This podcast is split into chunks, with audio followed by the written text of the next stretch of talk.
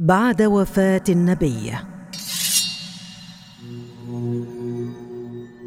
كان النبي الكريم محمد صلى الله عليه وسلم عائدا من جنازة في منطقة البقيع ليشتد به الألم ويضع عصبة على رأسه. وقبل خمسة أيام من وفاته ارتفعت حرارة جسمه واشتد عليه المرض فكان الإمام علي يرافقه كعادته أينما حل ليشعر النبي بتحسن ويذهب للمسجد حيث خطب بالناس من على منبره وصلى بهم الظهر وبقي يصلي بالناس حتى يوم الخميس. وفي فجر يوم الاثنين الثاني عشر من ربيع الأول في العام الحادي عشر للهجرة الموافق لشهر حزيران من العام 633 ميلادي ازداد مرض النبي. وكان عليا ملازمه في لحظاته الأخيرة ليلفظ النبي أنفاسه الطاهرة الأخيرة على صدر الإمام علي بن أبي طالب وتصعد روحه الطاهرة للسماء ويلقى الله حبيبه وخيرته من خلقه عن عمر ثلاثة وستين عاما.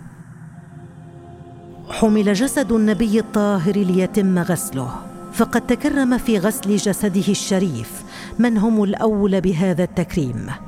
فكان الإمام علي كرم الله وجهه ومعه عمه العباس هم من بدأوا بغسله ليباشر الإمام علي غسل الجسد الطاهر جسد حبيب الله محمد صلى الله عليه وسلم وحده. فأسند رأسه الشريف إلى صدره. وكان الإمام يقول ما أطيبك يا رسول الله حيا وما أطيبك ميتا. وأما العباس فكان يقلب الجسد الشريف ليتسنى للإمام علي غسله من كل الجوانب.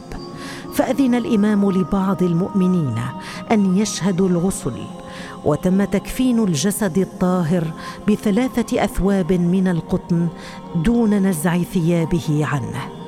بعد هذا تمت الصلاة على النبي بحضور عشرين الفا من المسلمين. ويقوم الإمام علي وبصحبته العديد من المسلمين بدفن النبي صلى الله عليه وسلم فتفيض عينا الإمام علي بالدموع ويقول لقد وسدتك في ملحوده قبرك وفاضت بين سحري وصدري نفسك. إنا لله وإنا إليه راجعون. بهذا كانت أحداث وفاة النبي ذات وقع شديد على الإمام علي. فالنبي من رباه وعلمه وكبر في كنفه واشتد عوده معه وشاركه في غزواته وكان معه بشكل يومي لا يفارقه ابدا إلى أن صعدت الروح المطمئنة السماء من على صدر الإمام علي كرم الله وجهه. لتبدأ مرحلة جديدة في حياة الإمام علي. فأغمد الإمام سيفه وأبرز علمه فلم يشارك في غزوات الردة ولم يشارك في معارك قاطعي الزكاة. بعد وفاة النبي لم يكن المسلمون قد احتكموا على من سيخلف النبي صلى الله عليه وسلم ليتم الاجتماع في سقيفة بني ساعدة في المدينة. ليخلص هذا الاجتماع إلى تعيين أبو بكر الصديق كخليفة للمسلمين من المهاجرين. ليبقى شأن السقيفة بعد عهد الخلفاء الراشدين محل اختلاف إلى يومنا هذا. هكذا بدأ نظام الخلافة في الإسلام والعمل بمجلس الشورى لأول مرة في التاريخ الإسلامي. بعد تسلم أبو بكر للخلافة كان الإمام علي قائدا مهمته حماية المدينة المنورة من أي اعتداء. وكان الإمام علي يأخذ برأيه في كل صغيرة وكبيرة في شؤون الدولة. فكان أبو بكر يستشيره في شأن حروب الردة وكان أيضا يستشيره في الغزوات الإسلامية ضد أمبراطورية الروم وبلاد فارس. وبعد خلافة أبي بكر توفيت زوجة الإمام الأولى سيدة المؤمنين فاطمة عليها السلام. فصلى الإمام عليها هو وأبناؤه الحسن والحسين عليهما السلام. بعد وفاة أبي بكر الصديق تولى الخلافة عمر بن الخطاب ليكون عليا هو القاضي في عهد عمر على المدينة. فكان عمر يستشير الإمام علي في أغلب القضايا الفقهية والسياسية وكان يعمل بمشورته. وتقول المصادر إن التقويم الهجري قد أمر في العمل به بعد أن اقترحه الإمام علي على عمر بن الخطاب.